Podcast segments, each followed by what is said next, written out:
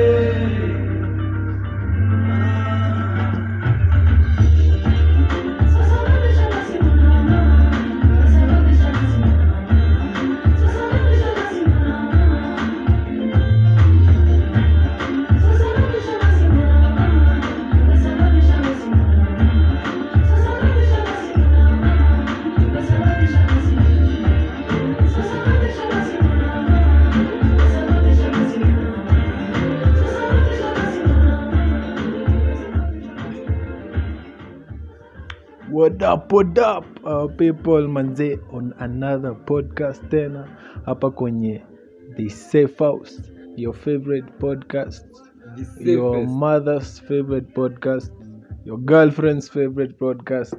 Welcome manze. leo tuko psyched ku bring to you another topic get for your weekly uh, mind maintenance sisi ndio majanitors pale mental janitors uh, yul one na umepiga intro leo chamanze twende round tupige intro you know who is in the house today morgan Yo, what up, what up, what up? Bana nimeona man siku hizi ni nijaribu kukuwa msanii. Nilikuwa nasalimia wasea. What up? Eh? You what up my people. What up my people? eh, man, this is Morgan on another episode man. Nashukuru. Eh, for having myself over because ni mpaka the safe house ikuwe safe so like sisi kama mental janitors ni mpaka to represent so yeah man leo tunaongelea nini today today before kwanza topic mm. Yo, what's up, my people? Your host doing the most. Kama hiyo nimeiba. Wewe mazee John ni Dillon Tizi. Your, do, your host doing the most is Dillon Tizi eh, nitatafutia yangu mazee. Lazima tukue creative hapo hivi. Hakuna kuibiana. Dillon Tizi hapo hivi kwenye studio. Na leo mazee tumeleta topic fulani hapo hivyo intriguing topic yenye maybe unafaa ku learn something kwanza venye tunaingia kwa age fulani eh, tunaweza acha kudwell on the past na kudwell on the future. Yuluan topic ni gani. So, today guys weare going back to the beginning. The to the beginning. In the beginning there was a father and a mother. And a mother. In the beginning. Yeah, so today we're going to talk about parents more specifically. Actually topic ya leo ni the children of narcissistic parents. Yeah. We're going to talk to the children of narcissistic parents. Tunataka talk kuambia to talk about. Tuna Talk talk with. with. Talk with. Eh, sijui hapa hivi kwa podcast kama one of us ni a child of a narcissistic parent Ehe, so mi uh, narcissistic parent yes kuna vitu fulani. Some ni relatable some ni not relatable. So apart from si kueducate bado pia si, tu- si ujieducate na hizi podcast zetu.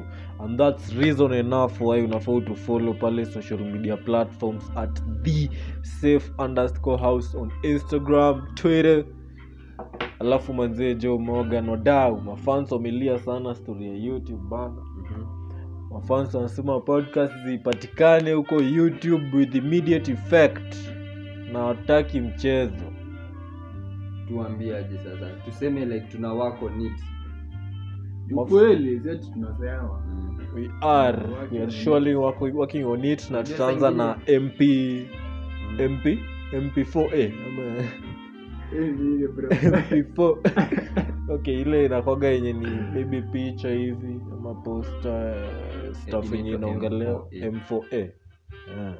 alafu audio naget audio kwanza ni kama hii audio ni. M4A ama bana sasa ndio- tueducate okay. tueducate hizo Ah. mp3 mp4 zote M4A na MP3 zote ni audio. Audio. Okay. Then MP4 mavida na hizo ma MKV and shit.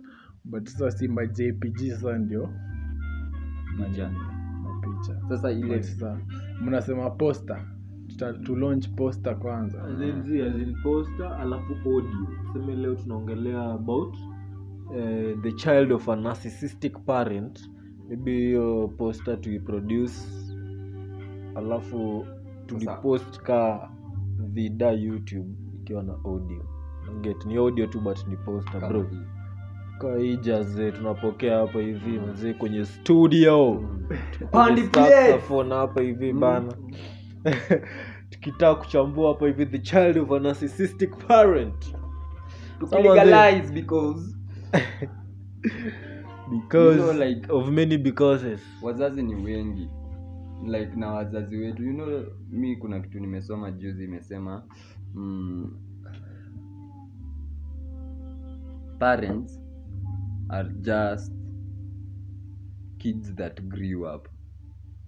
Like mzazi wako ni mtoi yali grow up. Na most of the time unaona venye siku hizi like azin wase hugrowishwa up na responsibility. Like ukipata mtoto eh inabidi fuck. Una focus sasa sindio like hiyo responsibility. Like sasa inakuwa msi alikuwa free free free and then akapata mtoto si ndio sasa kitu kaa hiyo sasa ndo inafanyanga like sengine most of the times hata wasee venye ati wazai husema ati oh we ni blessing. Most of the time unapatanga like most of the time unapata At first. at, at first. At first ama tuseme like utapata like sio watoto wengi tuseme kama firstborns hukuwa considered as a blessing. Unacheki? Because firstborn ali ndio aliintroduce mzae to motherhood mzae to fatherhood. Like huyo ndo ulituzuia sasa kwenye sasa kunaona kwanza upate parent ana think hivyo sasa. Upate like mse like alifeel ni kama sasa mtoi wa kwanza sasa huyo ndio alims ile break. Unaona? Unapatanga pia sasa like most kids wenye wanasuffer from narcissistic parents hukuwa the first born kuliko watoto wengine wowote. Tuseme like a family yenye iko na watoto zaidi ya wawili si ndio? Unapata first born ndo ana face the wrath sasa ya mzae sana kuliko ya nini? Unaona vitu hizo nice so manzee mogan ameguzia about firstborns kwanza mi ni firstborn in the house papa hivi shout out Firstborn pana, shout out to firstborns manze. Mm. Aya, Nyinyi peke yenu ndio mnaweza jua what we go through. Mm. Morgan has no idea. ayayayayayayay sikia huyu Morgan wewe ni mtoto wa tano ama ngapi? Eh, mi ni mtoto wetu kwetu mi ni firstborn Eh, so tuko kwenye mafirstborn Eh. hapa hivi in the house mi ni mtoto wa mamangu wa kwanza. Tunawashow sindo tunawashow sasa hapa hivi. Na tumekam kueducate about narcissistic parents manze. Before to dive in hata manze yulu one. Ah, kitu ya kwanza manze i think tunafaa tusitake for as in tusiassume kila mtu anajua what a narcissist is. Basically narcissist, narcissism ni disorder mental disorder. Uh, wasengine wengine wanaitumia ka jokes but real sense ni it's actually a problem. So kitu ina describe a narcissistic person ni msiakona ako na ni inflated sense of own importance. As anafil anafeel yeye ni mse important sana. Sa ina, ina, ina lead to uh, a deep need for admiration. Juu anafil ye ni mse important kabisa hii dunia. Anataka wasee wamshow. Anataka wasee wamfanya afili hivyo yeye mwenyewe unaget juu like anyway na apart from hizo za kwanza mbili and then ya tatu ni they lack empathy. Kuna emotion zao ziko out of place. Awa feel kama the normal person awa- ana feel. Like emotion simple kama kuwa sad ama hizo vitu huwa they don't they don't feel the, the feelings. Se bani kama robots kiplani anyway so narcissistic parent ni mwenye ako na hiyo disorder. So we are going to talk about the characteristics of narcissistic parents. Lakini before that so manzee jo najua mmesikia that brief definition. Ka ujasikia manzee rudi usiogope. Rudi nyuma usikize kwa umakini. You'll want our able mental janitor hapo hivyo akitudescribia hiyo disorder manze siogope rudi hapo usikie kwa umakini unasikia kani li, r- eh. hey, eh. relatable or not hey, nimejikaza bana relatable. Lire, relatable Hey. ka una relate or not na kaa urelate pia ni sawa maybe unajua msi ana relate tu ama uko maikwa victim jua its okay cause its okay not to be okay au si Mm. so mazee jo But it's not okay. kwanza mseme tutaanza na nini? Should we talk about kwanza the vile watu wa narcissistic parents wanakuanga ama kwanza tuseme the characteristics of the narcissistic parent mi naona tuanze na the parent the parent Ndio ujue maybe your parent has been narcissistic for a long na ujaijua no like unajua by the way wasa wanatekingi wana excuse like pero strict excess mwenye ako like mgumu tu no emotions. Ko like ah mi manze budangu anapanga abstract hivyo ndio inakwanga lakini mstay in real sense budako he just doesn't like you all he, he likes himself he's a selfish so wazi the first characteristic kwanza ya narcissistic parents ni wanakuanga possessive of their children. Na awapendi like wana feel threatened na their child kudevelop apate independence. In short like atoke kwa control yao. Wako very like wako very against that. Juu wanadai kupossess watoi wao for like sijui wako control bana juu like we ni wao msee. Uko there you were born for them. Born for them by them. So like any any sign of ati unapata independence. Like uh, tume kwase wenye wanasemanga oh, budangu ni ati apendangi nikifanya hivi na hivi na hivi. But in kama anakuzuia kupata independence especially wenye wako age yetu uh, like si sahii unafaa kuwa like ushatoka kijani mse una live your life vile unadai sindio but saa kaa pero wako ana unaget ana anakuzuia ana, ana, push out to the world. Si hata kupush out ana kuprevent from going. We unadai kustep mm. wanataka ku, kuanza bwana kwenda kupata kija yako msee. Unataka kuanza kuspend your night vile unadai. Mm. but sasa anakuhold back. Unadai kunyongea tu kwa shawa ya nyumba yako in short. And that nigga won't let you and it's not too much and it's not too much to ask eh?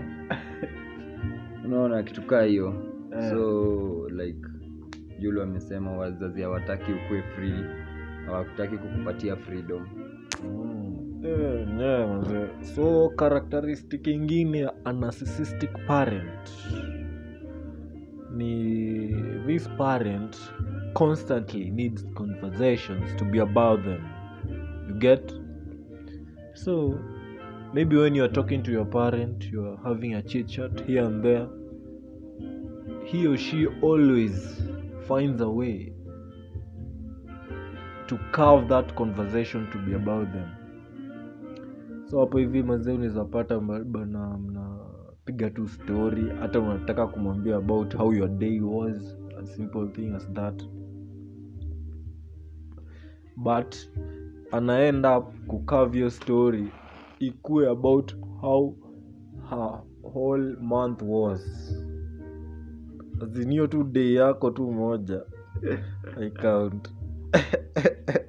Lakini mwezi yake venye imekuwa ama mwaka yake mzima ndo the important shit. Hapo hivo They don't care about you.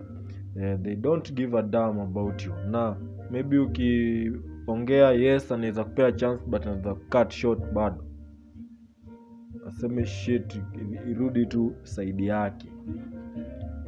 So yeah hiyo ni characteristic moja pale yenye nafahamu ya narcissistic parents. Lakini okay hatuwezi sema like they don't care about you cause like deep down They do. they do they do love you I get. But sasa it's all about as in wanakupenda through them sijui ka una, unaelewa hiyo story like msa anakupenda juu yake ye mwenyewe.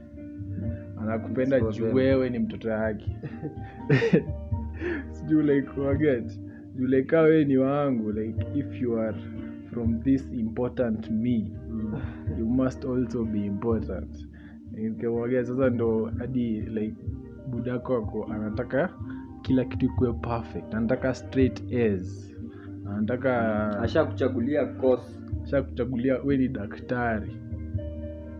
Na we hata we mwenyewe unajijua hakuna hakuna room for your hakuna room for you by the with a narcissistic parents there's usually no room for the children because everything is about everything is what they want to be. It's, it's about the picture that they had in their mind. Let's say uh, suppose you had two narcissistic parents which is by the way a very uh, very bad luck. Uh, if you had two they, they had this certain picture of how a family is right? So now you as a, as, a, as one of the kids what uh, your role your work all you have to do is fit in into the already written narrative of how their family will be. In, uh, will have a firstborn boy. He will be very uh, into sports atakuwa ule msee number one pale kwenye daro full time ndio so that when i go to talk to my friends I can, all I can do is brag about how great my kid is. I get. So that's how they won sasa wateke hizo rules about what you're supposed to do. So there's usually no room for the kid left. So on to another characteristic is manzia wanakwanga very uh, immature and selfish. Okay, so as we're going to narrative ni it's all about them. So of course mtu mwenye ako all about himself atakuwa immature atakuwa, atakuwa selfish for once. And immature ni una expect this is your parent so wanafaa kuwa kikunacha but for some reason wana act ni like it's all about them. Imagine there are some kids out here wenye wana have to raise their parents literally like okay not hivo but emotionally. We ndio uko in charge of your mother's happiness. We ndio unafaa kumfanya kuwe happy unaona? Huyo ni kuact immature ku, in kupatia mtu wako responsibility ya ku, kufanya like okay okay one thing is nakumbuka scenario moja ni a mwenye alikuwa na nini so many dreams. Alikuwa na alikuwa ambitious alikuwa na goals. And then vile tulikuwa nasema story ya my first born ulikuja uka, uka cut off hiyo story. Sasa it's up to you sasa ku step up uachieve hizo dream zenye yako achieve. Juu yako. Unaget juu like yako ako yeye anafikiria I'm channeling everything I, I have to you. So sasa wewe you have to live life yenye I'm not you get? Morgan so like mi unajua hata nafikiria about how when like tuseme kama with kids na tuseme hadi from possessive parents like unapata wazai wenye like anashindani kama ako in constant competition na the kids unacheki? Like ako ana drag vitu anaweza fanya unaona? Vitu ashaifanya unapata mzee anashindaga akikwambia unajua siku zetu enzi zetu yeah? mi by the way na nakusomesha juu enzi zetu tulikuwa tunasoma. Unaona anataka ufikie place alifika upite and then ukishindwa sasa kupita sasa ndo anaanza kubrag anaanza kukufanya ufil vibaya kuguilt trip pia. You see like you will find narcissistic parents wako zile za if it's not about them it's about you. Venye tulikuwa tunasema like wanafindingi a way to make everything about them. Sasa ikikuja kwa makosa ni unajua a narcissist- a narcissist onangi anything wrong with themselves so like the only thing itakuanga always about you ni the faults unaona? Ama pia like anakuguilt trip into making you feel like kila time eh, kila time venye unapaswa kunini anakuguilt trip into thinking venye unapaswa kuwa unafanya chenye anasema sinaona like guilt tripping. Guilt tripping. Kwanza what is guilt tripping kwanza? Guilt tripping is the act of making a person doubt their own realities. Ndio no no bana. Confident man guilt tripping ni eh, ile kitu ya kufanya mtu a feel like guilty for something you've done you see like ni kama takushuaje wacha tusome nini kwanza the Okay, Google's kwanza. dictionary. The definition. By the way but there was a segment ndio like to to our faithful listeners yenye najua mnapenda sana. Check the dictionary. Mm. yeah. tuangalie what is guilt tripping. Anyway ye- ye- yenye moga alikuwa amesema um, doubting your own reality it's called gaslighting. Yeah. gaslighting which is also another another characteristic of a, a narcissistic parent or they gaslight you. That's one thing. So gaslighting is making someone doubt their own reality I guess. You, you, you invalidate someone's emotion. Unajua kuna ile story unaweza kosea msee and then useme story umake amends but then uh, kuna kuna this other move yenye ukikosea msee kama amejam kitu yenye unajua una invalidate wamejam kitu ya kwanza. Una invalidate reason za kujam ufai kuwa umejam msee Again, so you are, these emotions zenye uko nazo they are wrong. That is making someone doubt their reality. I so I'm feeling what I'm feeling. Wenako amefanyia kitu yenye anakufanyia say umejam but anakushow aufai kuwa umejam. Your emotions are not valid. So that's one form of gaslighting. Eh, kweli kweli. So manzie characteristic ingine ya narcissistic parent.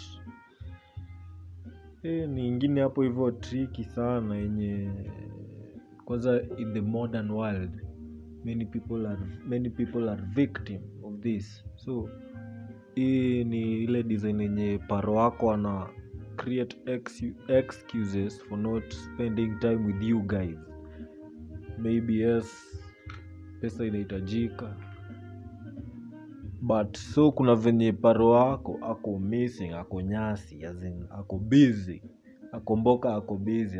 Ah, but ukimuuliza maybe anasema anawastakia do ama kitu kaa hiyo excuses tu lazima pale. Na msee akiwa na tabia kama hii most likely ata try kuwabaia stuff materialistic materialistic stuff for example maybe paro atabaia mtoi some toys pale mbaie vitu fiti tu hapo. Ndio kwenye maybe atakuwa inakona ama atakuwa ama atakuwa ata- ata- atawekwa ina fix atakuwa za i did this i did this for you i did this for you. Hiyo ni one characteristic of a narcissistic parent. Akoga busy excess Dictionary says guilt tripping is making someone feel guilty, especially in especially in order to induce them to do something.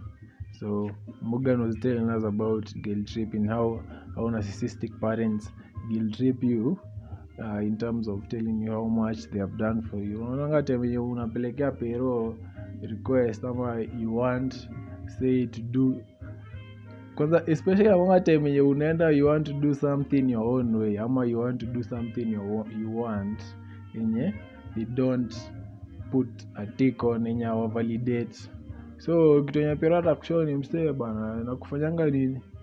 I'm taking na kupeleka shule. Peleka shule. I do all things for you. I, I put a roof over your head. Uh, is in, in short is in, atakufanya sa ufil bana aligive up ya ako like i had sijui a career before you by the way. And now i don't have a career or something. Ama i had sijui nilikuwa na talanta nilikuwa na chase lakini sahii siwezi chase i've given up all, thing, all these things to you. Sasa hii yote anakuambia to guilt trip you into either doing something they want.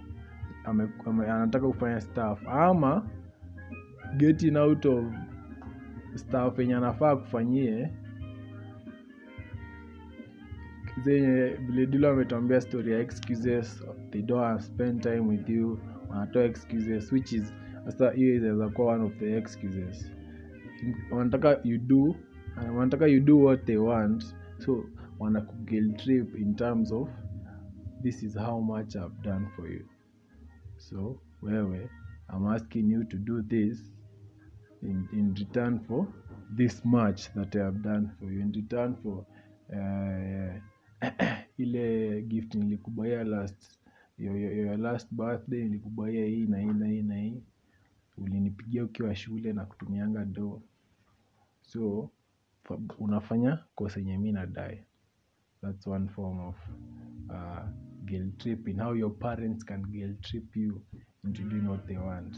Another characteristic ni hawakwangi emotionally available usually its hakunanga hizo happy moments za family zile za kuna tu ile emotion yenye pero anakupatia. Anakufanya ufeel uko loved anakufanya ufeel hakunanga hiyo with narcissistic parents. Wanakwanga very emotionally unavailable. Because ukikumbuka at the beginning of the podcast uh, when we defined what a narcissistic person is like we said that they lack empathy. So wakona wana lack hizo emotion. So as a parent they won't be there. They won't nurture you emotionally. And kama mtoi ukilaki hiyo nurturing emotion because your parents are who they literally make you.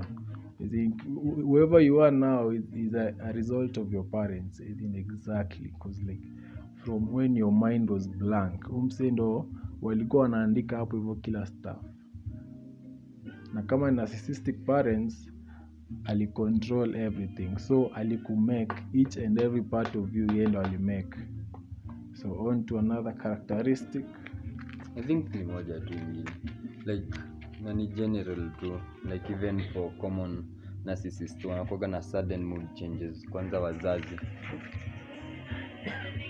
Unapata wazazi like as in mlikuwa mnacheka two minutes dakika tatu eh, mood imechange bana. Asha jam amekuuliza bana. Iko wapi report card? Bana anaku sasa ana go through your grades kukuambia nini? Mbona sasa hapo? Unajua like unajua kuna wazazi wanakuanga hivyo like mnaweza kuwa umecheka na yeye and then unaona unasema kitu tu inakasirisha mtu and then sana letea na bring back vitu. Si labda mabeshte wako wana bring back vitu umekuwa ukifanya hivyo. So like narcissistic parents huko na sudden mood changes. Na huu affect hadi nini?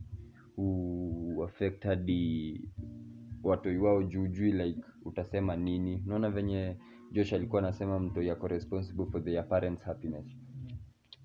Huwezi kuwa like unataka kuexpress akili yako ama your thoughts kabisa juu. Saingine unaweza offend mtu sindio so kuavoid stuff kama hizo inafanya mtoto akuwe like an emotional caged person mwenye hawezi jiexpress kabisa And then saa tena hiyo ni characteristics of kids Uh, that with, uh, one more, one more. one. Okay, you know, usually with narcissists, uh, they are very calculating. It's not emotional for them. It's about this and this plus this will become to this. As in, life yao iko like that, calculated. Moves zenye wana make zawa calculated, unaget so usually sasa narcissistic parent anaweza ukishaza nilikuwa na explainia vile ukisha unafaa ufit kwa hiyo narrative yake unaget so they are using you for their personal gain. That's one thing. Like kama uko hapo hivyo build them up they are using you for your personal gain. Also another thing kuna more extreme cases kama zenye some parents wanaenda wanachukua credit cards with their kids name. So by the time unafika 18 i know it's not, it's not something that happens huku hivi kwetu but by the time una kwa watu wetu wa watu majolo. uh, you see a parent going wanachukua like credit cards na jina ya mtoi wake. So by the time mtoi ana grow up akona already akona debt with the government already.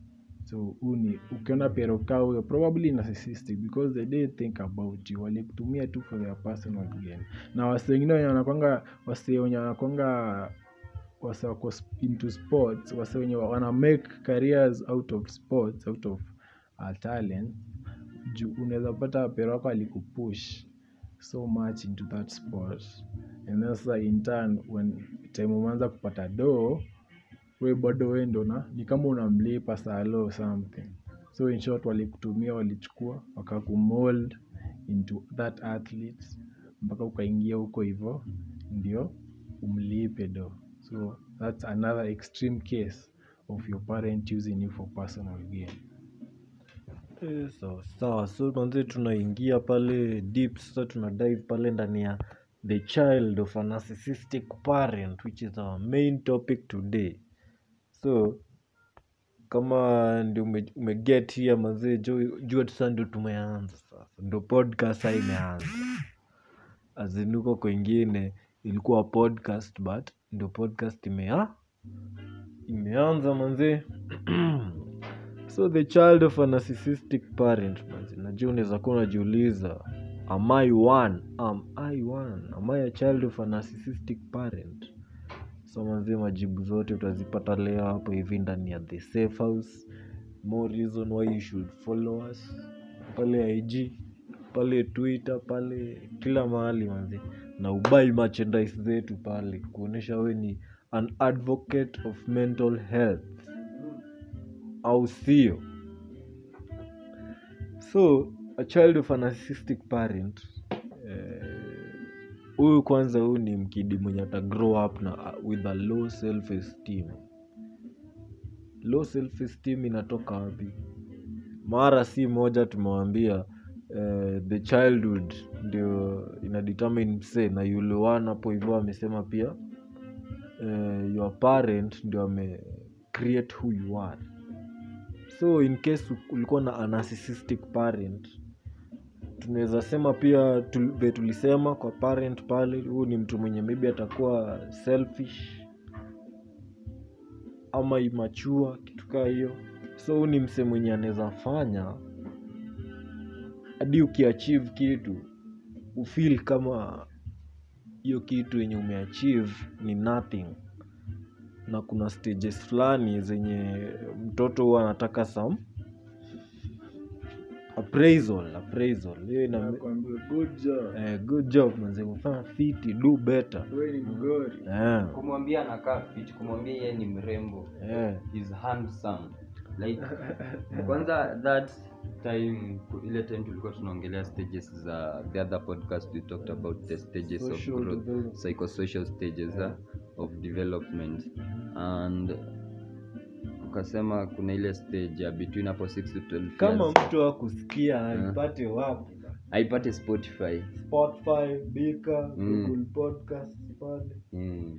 every week hey, Eh, bana. Every previous episode. Uh, so nasema like kuna part tulisema hapo like between 6 to 12 years mtoto time ana develop real interest in hobbies and stuff. Hapo ndipo time unapaswa kuwa sasa akikosea. Juu sio kila time unajua kuna curiosity. Na mtu anaweza kuwa curious na about eh, curious about good things na bad things at the same time. Mhm. na saa mtoi sasa time anafanya vitu poa unapaswa kumkumbusha bana endelea hivyo ndio. Hiyo interest kama ina grow iendelee kugrow positive reinforcement. Eh, positive reinforcement. Kama ufanyi hivyo eh, atakuwa interested na kitu akiona hakuna mtu ana notice anaachana na if you are a narcissistic parent that means most of the time kwanza kama hutaki kuspend time with your kids mtoi akizoea self independence ata develop interest. Ikikosa kunachariwa na kama ni mbaya maybe anaweza go into it. Kaa ni poa na ikose kunachariwa inakuwa like a kid bana amegrow up amefika let's say sasa in his teenage years na he doesn't have a hobby. She doesn't have a hobby she doesn't have something she likes. Mm. because maybe vitu alikuwa interested in nazo as a parent you are not present enough to to notice. to notice na kumpatia that push unaona? And then people you know like a parent that doesn't want you to gain independence from them atakuwa ni kama anakusabotage tu. So like sengine labda anafurahia the fact that huwezi kama uko fully dependent on them Mm. the fact that huwezi anakuambia yes unataka kuhama unataka kwenda but tutafanya nini? Unaona? Akupatia hiyo means ya kukupush into the world Mm. because anataka ku, kucultivate ndani ya kwake within themselves and stuff. So yeah. That's a child of a narcissistic parent. So uh, eh, sasa after going through all that, you end up being uh, una, una, unakuwa ile stage ilikuwa inaitwa initiative versus guilt, right? Yeah. So you end up lacking initiative to any, to actually do anything you want, do anything that interests you personally. Because as I see, we said there's no space for an uh, for, for the child of an narcissistic parent. Like there's no space for you. So, but you actually like to do, hauna initiative to go do them. All you do is please your parents, do what they want, and also some cases zenye kwanza with uh, statistics nasema kuna 80% men in on the na- narcissist spectrum like 80% ni men 20% ni women imagine say hey. but sasa so it's usually more of the narcissistic dad but kuna ile uh, kuna some people wenye wako the narcissistic mothers si wengi so people don't talk about it. But and then pia ya wazae wana watu wana dismiss like "Ah, mzee yangu ni strict. Hivyo tu. But there's something deeper. So sasa a mom a narcissistic mom sometimes wanakwanga jealous of their of their daughters. Especially kama daughter yake ni she's way prettier than the mom they're usually jealous. Sasa ni wanaweza wafanya hiyo story yote ya sabotage and mtu hiyo aja grow up akiambiwa you're beautiful and stuff. Because sasa psycho jealous of your beauty they won't tell you how pretty you are. Because it's all about how mom is pretty i guess. Wewe we, you're not pretty it's all about me. So they wanna end up kuwa na hiyo low self esteem and then another thing ni uh, watoi wengine wanaend up kuwa when they become adults wanaend up kuwa overachievers na self self wase wase sabotage self sabo, sabotage. I don't know if that's a correct word. Sabotage. Yeah cause budako alikupush bana your mom alikupush mbaya. So unaenda up kuwa overachiever because all you want to do is, is in please your mzae. Na hiyo bana si unajua mzae anakaka unless mzae wako apas mapema probably mtakuwa na yeye for like i don't know. The average time yenye mapero nini? Wasi wakiwa how old? Tuseme 45 hivi. 45 Ah, 40 maybe ni average ya wanaume. Na depend either parent either one or two. Tuseme mzae. Eh, tuseme tuseme hivyo ama hata wewe we ni mwanaume unajua utaishi sana. Si, as in, kukuwa na mkidi wako. Average time ya kuwa na mkidi wako. So like zuana sasa si hata childhood anymore. It's not about even childhood. Ni, for like kupata a good half of your life i guess you have to live with a narcissistic parent. So hadi sahii bado akona unajua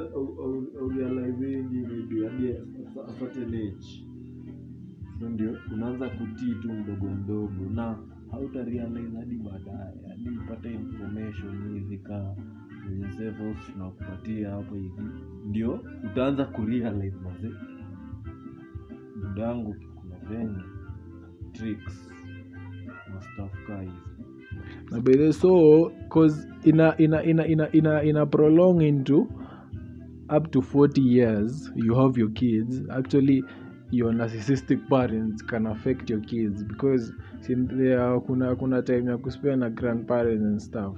And, and in our today society kuna itakuwa more of people spending more time with their grandkids. Juu mi nakumbuka tulikuwa tunaendanga kwa na shows like once a while. But sahii we uko kanairo budako ako kanairo. Si lazima kom kuwacheki once in a while. Na so aki- akianza kufanya hizi vitu zenye alikuwa nakufanyia as a kid aanze kufanyia watoi wako kuplay favorites na watoi wako. Aufai kushow watoi who is your favorite but clearly narcissist wana clearly wana play favorites na the better kid Wata, bana watapenda mtu mwenye ni beta kuliko mwenye ako na shortcoming. Tuseme kama mwenye ana get straight as mwenye ana fit into his narrative ata play clear favorite. Sasa akianza kucheza hizi games na watoi wako ataanza kuwa mess up. So like unafaa ku recognize, unafaa ku like kujua kama you have yeah you better recognize kama you, you have a narcissistic parent by the way. Yeah because there's much more to to lose i guess So another characteristic a narcissistic, child manze, it's whereby an individual, an individual gets attracted to narcissistic partners. Maybe your love life has been a mess. You're wondering what's up, manze. Wash popping, my niggas. Maybe the reason is because you always get attracted to narcissistic partners. You get attracted to people who have those te- those tendencies that we mention Na They're controlling. they're controlling, wanapenda guilt tripping, they lie, they love gaslighting you.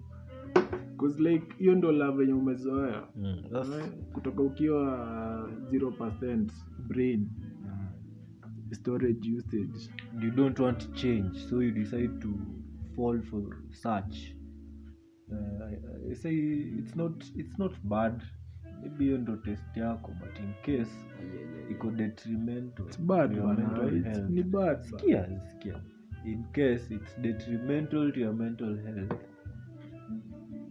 hapo sande inakuwa a big deal sasa. Juu si kama mental janitors, hiyo ndio tunaangalia kuna msenza kuwa hapo hivyo mazee yako fiti. unasema yeah. like you have a narcissistic parent and then your, your, your, your partner is also narcissistic yeah. and you're okay sasa sasa see this, this is where we're going to talk about people watu wenye wanaitwa egoists Mhm. egoists ni wale wase kuna ni nini ni ina, ina, like narcissists don't breed narcissists. Hakuna kitu kaa hiyo. Like huwezi kuwa narcissist na budako alikuwa narcissist. Zio narcissist hamwezi exist together cause it's all about them. Sasa utadevelop aje kuwa mtoi mwenye it's all about you? Na budako been about it, your it has father. been about your father. From when you were born. So they they, they wanna, wanna become they can't become narcissists. Therapy na alafu tena sisi anaweza find therapy alafu move from that but ye reflection. But sasa okay sasa ukifind therapy utarudi to normal. Kwa sasa kwani therapist pia atakuache kuwe narcissist juu sasa sikia behavior. Behavior inakwanga learned through pia kunakuwa na nature na nature hivi. So ilikuwa nature unaweza unaweza mimic unaweza mimi kenye ulikuwa na cheki akifanya maybe ndo alikuwa ikono wako your father yani. But sasa how, how are you going to mi sioni vile okay in some rare cases inaweza kuwa. But i think it's very rare because by the time eh, ndo utake kuwa budako kwanza utakuwa ataka kumplease okay mi naona ni kama like unaweza end up kuwa those overachiever wasee fulani tu maoverachiever soko tu maganji lakini wako controlling. Okay like to movie. like their dads. Tell us according to movie. Kama according to movie. hii ingekuwa movie.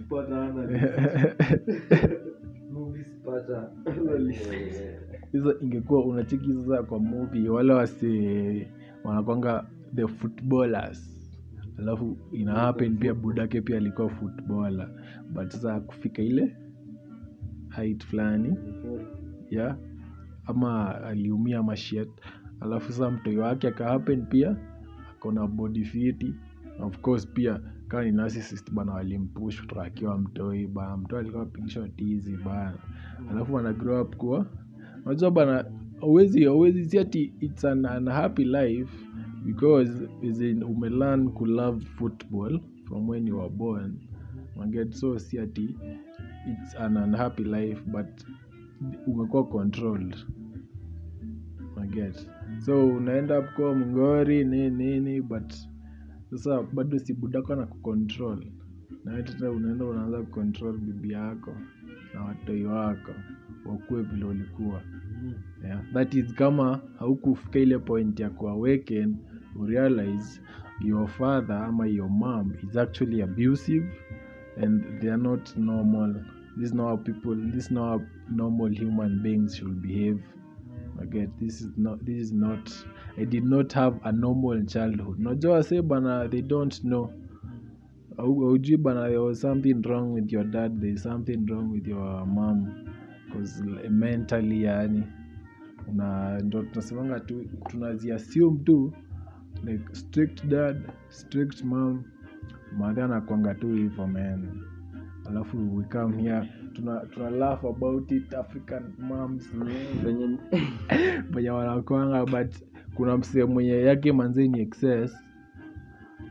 Eh, so manzee jo hapo hivyo bana itatu bring kwa staff fulani ilikuwa wasema about story ya story ya kumimic.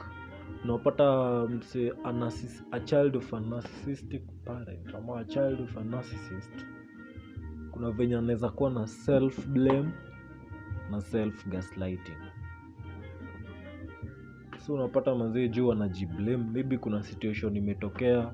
Maybe hata si fault yake but in most cases atakoza its my fault 'cause hivyo ndo amefunzwa? Eh, eh, hivyo ndo Dadake alikuwa na mbleo kila shit Mm. sijui maybe venye moga alikuwa ametomea firstborns wengi ndo victims hapa hivi. So utaget maybe ume, umeachiwa responsibility ya your younger siblings ma sibling alafu mnapata maybe amefanya kitu fulani ama amebrek kitu fulani unakuwa blamed for that.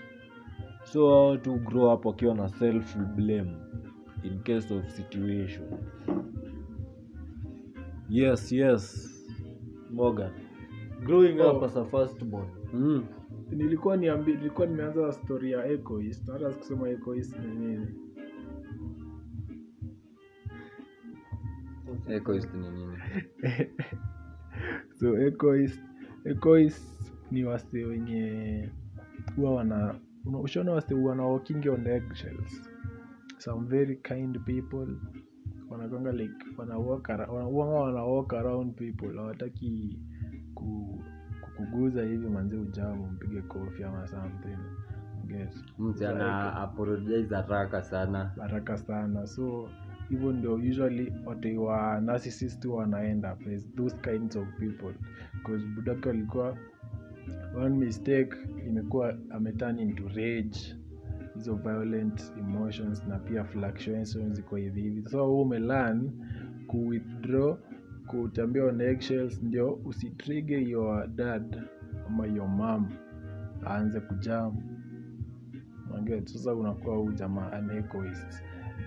Nini narcissists and egoist huwa wana coexist perfectly. Juu moja ako ana take up the whole room ule mwingine apendi kujamisha wasee. Anapenda tu hasa wakiwa wametulia growing as a uh-uh.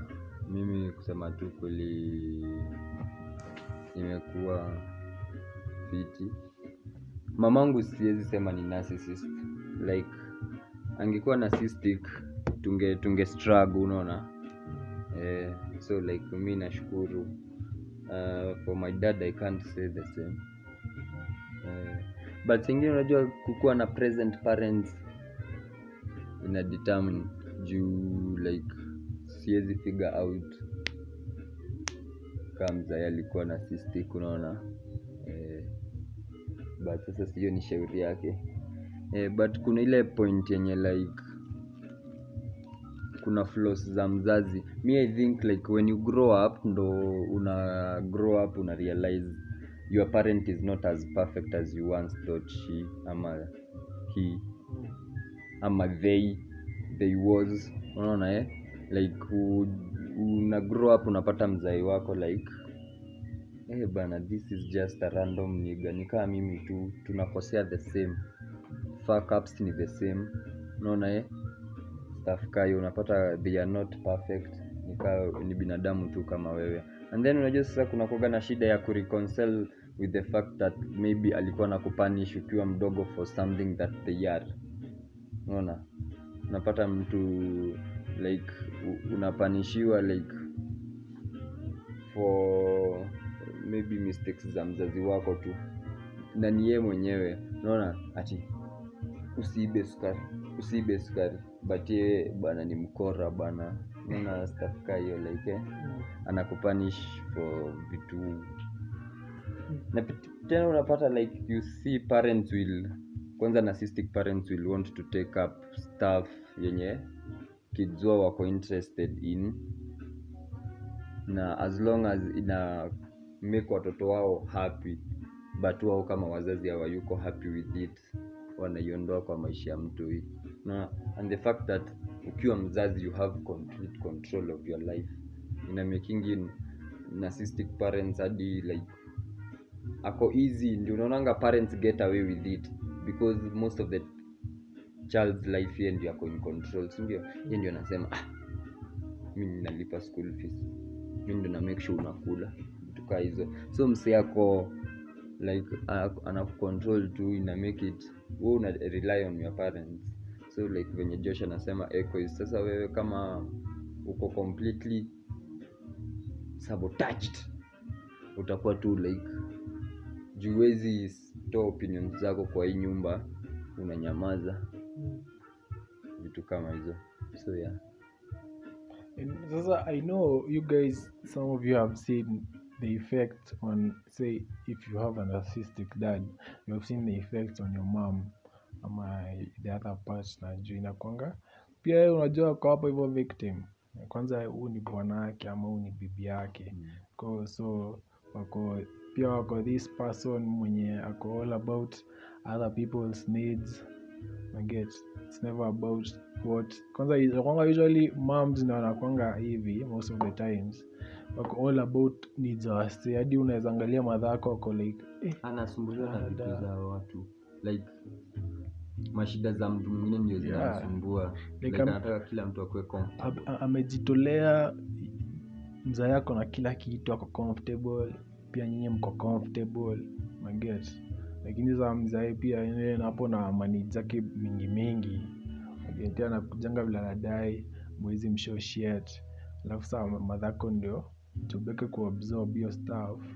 Of course we na trickle to the kids but some, most of the moms ndio huwa wana take the big percentage ya hiyo blow kama the dad is narcissistic so uh, i was talking about egoism so uh, say umesema uh, mse mwenye ako they don't focus on their own needs. Another thing is uh, hawako nini they, they, they don't have, pia they don't focus on their own happiness. It's all about others happiness. As long as ushaipata dem mwenye unaona tu dem na boys like ni couple but clearly udem anapanga like anafanya tu kila kitu kuplease u boys. Ni kama anakontroliwa. Usually anakwanga narcissistic people. Napata msee your boyfriend. Sasa wasi wanaenda tulisema unaweza enda kupata partners like your parents narcissist juu like unapenda? Hivo Umezoea. yo hiyo controlling conditional love which haifai kuwa watoi manzi inafaa ufunzwa unconditional love. Ndo hata ukikuwa mbigi unajua ukisearch uki, uki, uki search for love as people call it you know what you're looking for. Cause like juu hiyo unakwanga kitu msa anasaka unasaka love yenye ulionyeshwa na budako na masako. Juu thats what you know. Hiyo ndo inakufanya kuwa comfortable. So constant focus on others happiness na they don't uh, focus on their own needs.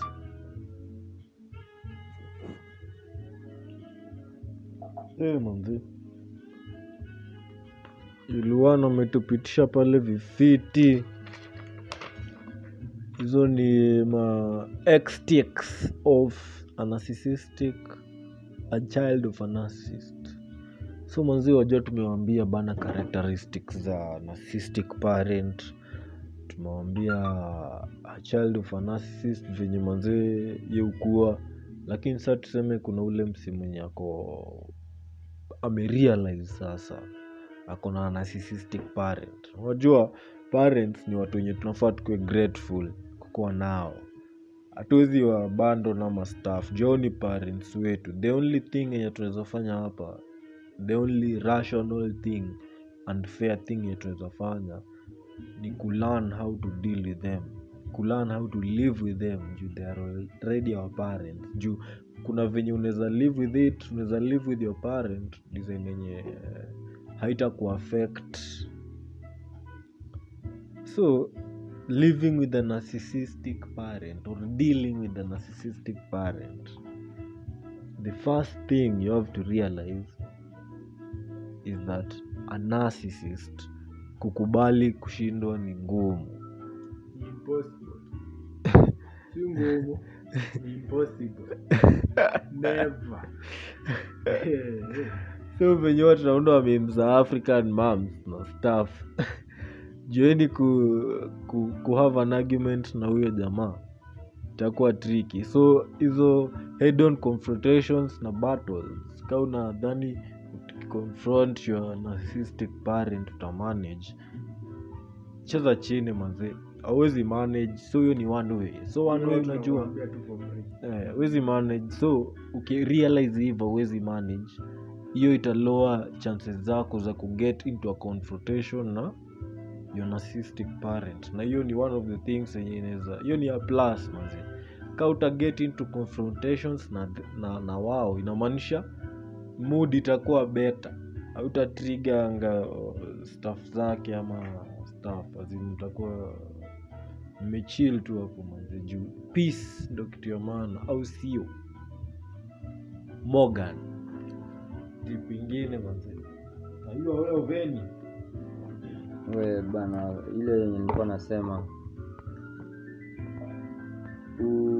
Resist any attempt za mzai wako kujaribu kukugaslight ama kukuguilt trip. Resist kuwa in charge. In like of your own reality. Eh, na tena unajua kuna venye unaweza turn down msee. Inaitwaje unaweza like resist but ikuwe subtle like iko umecheza chini. Eh, umecheza chini unaona eh? tumesema tu sahii confrontation umeavoid Eh, una avoid confrontation but sasa like ukue unajua time mnapimana kwa nini anajaribu kukupima? Unajua tena saa ingine unajua trigger za episode za mzai wako ama hizo up, of outburst course unajua yeah. unaishi na umse bana miaka kama mbao eh, alafu sasa unapaswa ku kuwa compassionate unaona na mzai wako. Like- yeye eh, like una understand it's not about you it's about them. Eh? na most of the time wanataka for their own he needs to feel in charge. Ndio afeel like ako sawa sindio and that is what inakuanga with most even dads ni mpaka feel ako in control na in charge ya that household. Of which sasa most of the times they'll not even care about what other people think. So as long as they feel they are in charge most of them wanatumia any method akuwe in charge na astay in charge. So like ukuwe compassionate usi usipimane balls na your narcissistic parent. And then prioritize self compassion kumbuka it's not about you.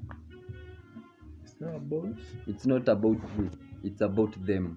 Prioritize self compassion ni wao wako na cystic sio wewe like as in eh, hizi vitu zote wanafanya ni ni wao. Eh, ni juu wako hivyo sio like- wewe. Eh? Eh, just because mzazi wako akuwai kupatia time akuwai kuambia like unakaa fiti haimaanishi like ukijiangalia kwa kiu utawaikosa kuona your worth ama kuona that beauty ama handsomeness in you. Unaona just because your parents hawakuwa hapo show hivyo. Usiruhusu like jipende ujiforgive. Wase usema forgive yourselves for your parents mistakes. Eh? unajiforgive bana juu ya makosa ya wazai wako. And then learn to lean on other support systems. Way ukiweza tafuta support system fiti like let's say uko na way to cope. Let's say you have, you have a brother mwenye anakwambia bwana. Sasa shida ni wewe ndio firstborn kama wewe ndio firstborn kutafuta support system inside the family ni ngumu. But maybe outside. Unaona? But then sasa shida ni if uko ready kutafuta support system. So you should learn to lean on other support systems that you have around you. Have friends. Have a way ya kuvent because unajua most of the times when a narcissistic parents anafanya hizo vitu ana dump all his issues on you.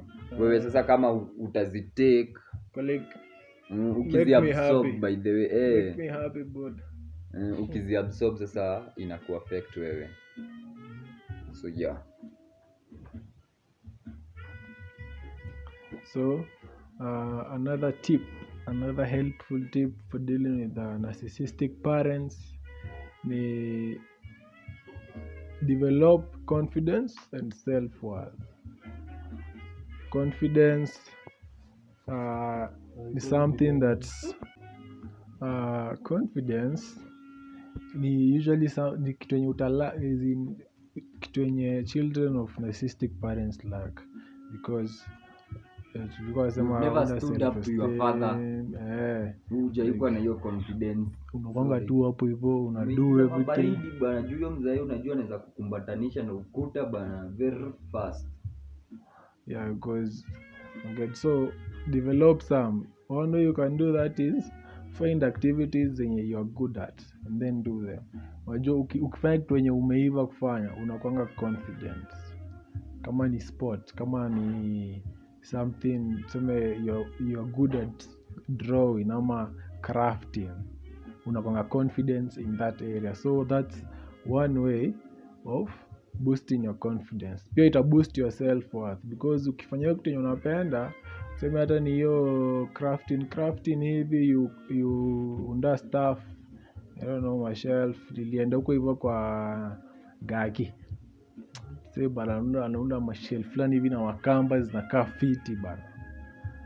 Dikawasikia bana nimshaa nifunze. So eh, is in cultivate hizo vitu zenye unapenda hizo vitu zenye you're good at your hobbies. Cultivate them. Hii itakusaidia kugain confidence na self worth. Uh, pia assert boundaries. Sasa back to relationship na mzae madhe una assert boundaries especially vile uko grown after you are 18 after umekuwa an adult umeacha kujifanya una assert clear boundaries na mzee wako. Ndio pia we- uprevent asikuja aanze kufanyia watu wako zenye alikuwa anakufanyia maget hizo traits unaweza in extreme cases we're just ili tuta put it out there but you should always consider it wafaa uconsider walking away hivyo tu. Cut tu kila stuff kama it's, it's, uh, it's too much or awezi handle but unafaa tu ukange tu ukiconsider. Just to put it out there because inajua it's very difficult msee juu msee kucut off pera yake. But in some cases after you have carefully considered it unaweza choose kuwalk away. Another thing ni unakuwa transparent with your plans. As we say nakumbuka nikiwambia story ya being an echoist msee mwenye you just in the background. So you do your things in secret una sneak off kwenda kufanya your whatever you like going to do. Atuseme vitu mbaya maybe your hobbies because hakuna room for them in your own home. All you can do is sneak out. So kuavoid avoid that ni be transparent with your plans show msee hivi ndo na intend kufanya. Ndio utoe ile element ya surprise. Unajonga ukifanya kitu alafu mzee yako surprise ati I expect unaweza fanya kitu kaa hiyo. Unaonanga watu wenye wanakuanga wale the bad kids i guess. Inakwanga mzee wako ana expect kufanya vitu fulani.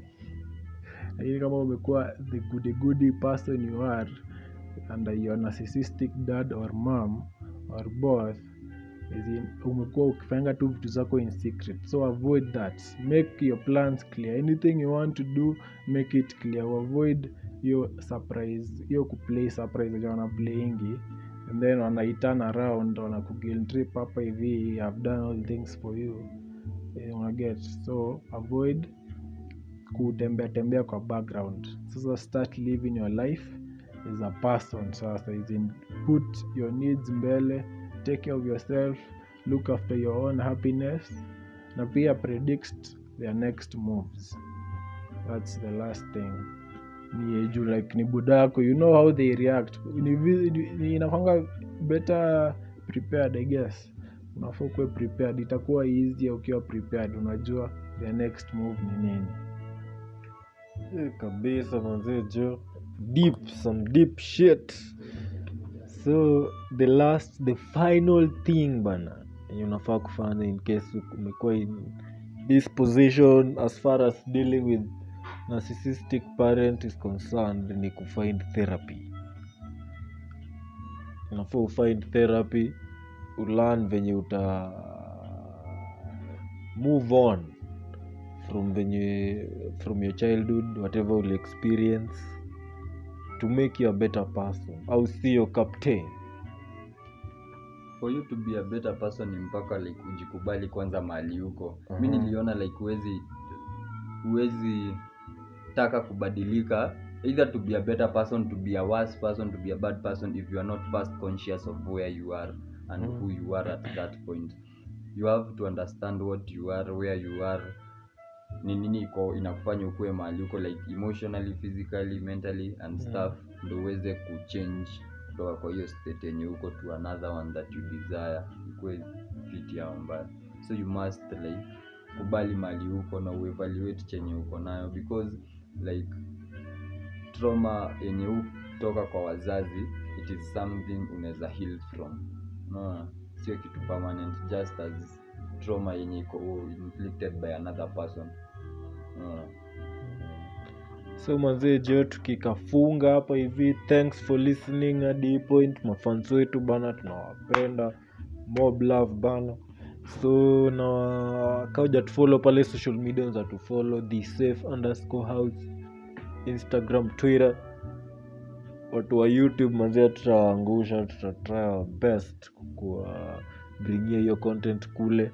Ikiwa mufti ikiwa swafi thanks for tuning in and let's meet on our next podcast inshallah